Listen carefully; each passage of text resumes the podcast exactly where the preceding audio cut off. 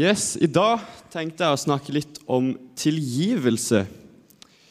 Eh, de fleste her, vil jeg tro, har erfaring med tilgivelse. Både å bli tilgitt og gi tilgivelse til noen andre. Eh, tilgivelse det kan være noe av det aller vanskeligste vi gjør. Men samtidig så kan, er det nesten ingenting som kan sammenlignes med den frigjørende kraften det er å bli tilgitt av noen, eller å få lov å tilgi eh, noen andre. Eh, så Skal vi se Husk bare å klikke på neste bilde.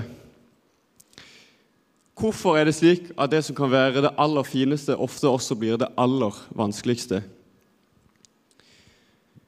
Alle her har opplevd å ha måttet tilgi eller bli tilgitt. F.eks. i barnehagen så har nok alle opplevd det. Hvis vi tar et eksempel Dette er Svein, og dette er Kåre. Svein har kasta stein på Kåre. Og Jeg jobber i barnehagen og har sett dette. Da står de her, og Svein sier 'Unnskyld for at jeg kasta stein på deg. Det var ikke greit.' Kåre sier 'Tusen takk'. Og Kåre sier 'Det går greit. Du er tilgir det.' Så må vi gi en klem og sånn. Så tilgivelse er noe vi har måttet gjøre og hatt erfaring med helt siden vi var små. Men uansett så syns man ennå det er vanskelig. Det å gå til et familiemedlem eller en nær, nær venn og si ordene 'Kan du tilgi meg for det jeg sa, eller det jeg gjorde?' Det er noen av de vanskeligste ordene vi mennesker har. Om du enten er religiøs, om du er kristen eller ikke, sitter her i dag, så er tilgivelse noe som gjelder deg. Du trenger ikke være kristen for å drive med tilgivelse. Og Hvis vi leser i Bibelen, så trenger vi ikke lese lenger for å finne ordet tilgivelse eller finne noe som menneskene har gjort som gjør at vi krever tilgivelse. Det står Nesten hele Bibelen trenger min tilgivelse. Jeg synder hver dag. Det tror jeg de fleste her òg gjør, må innrømme at de gjør. Og vi trenger tilgivelse for syndene våre. Det er en grunn til at Jesus ble sendt her og døde på kors for vår skyld, for han skulle ta syndene våre. Eh, men for oss kristne så kan tilgivelse ha en sammenheng med bønnelivet vårt. At hvis jeg sitter og ber og ikke vil tilgi en annen Hvis jeg har en uvilje og ikke vil tilgi en som har gjort noe mot meg, så kan det ha noe med mitt forhold til Gud, min gudsrelasjon.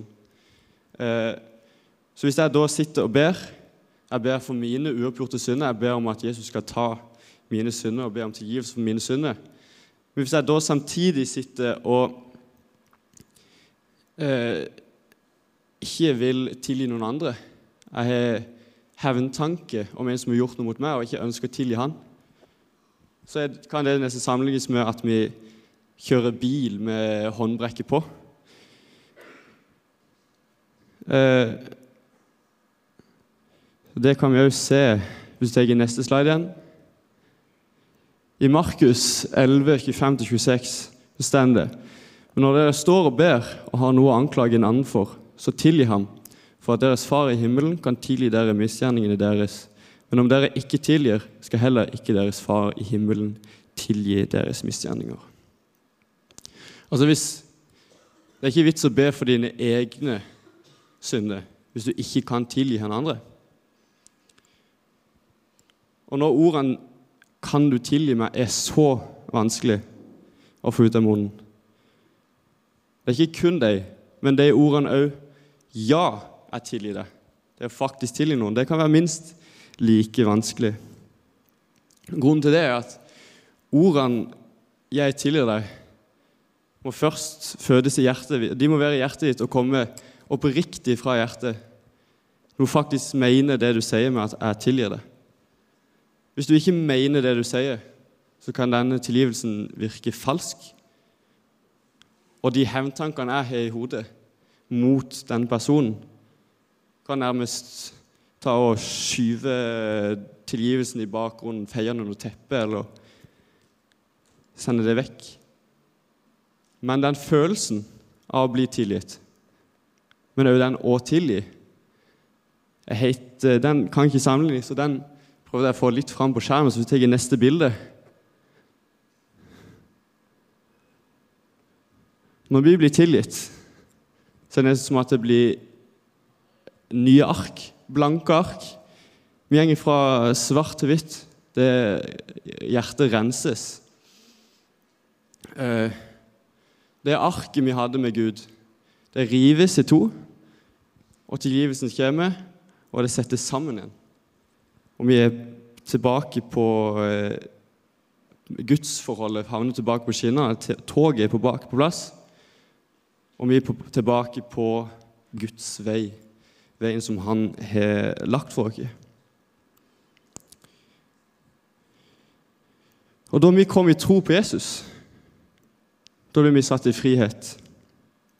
Men det betyr ikke at han kom og tok syndene våre på, på korset. Så betyr ikke det at vi kan synde som vi vil. Vi kan gjøre som vi vil på grunn av han har dødd og tatt eh, all vår skyld. Når Gud har vært så, gitt dere så stor nåde at han har gjort alt dette, så skylder vi han nesten å leve i tilgivelse og leve i et liv prega av tilgivelse og følge Gud. For det er jo en grunn til at eh, Jesus lærte dere i Matteus 6,12.: Tilgi oss vår skyld.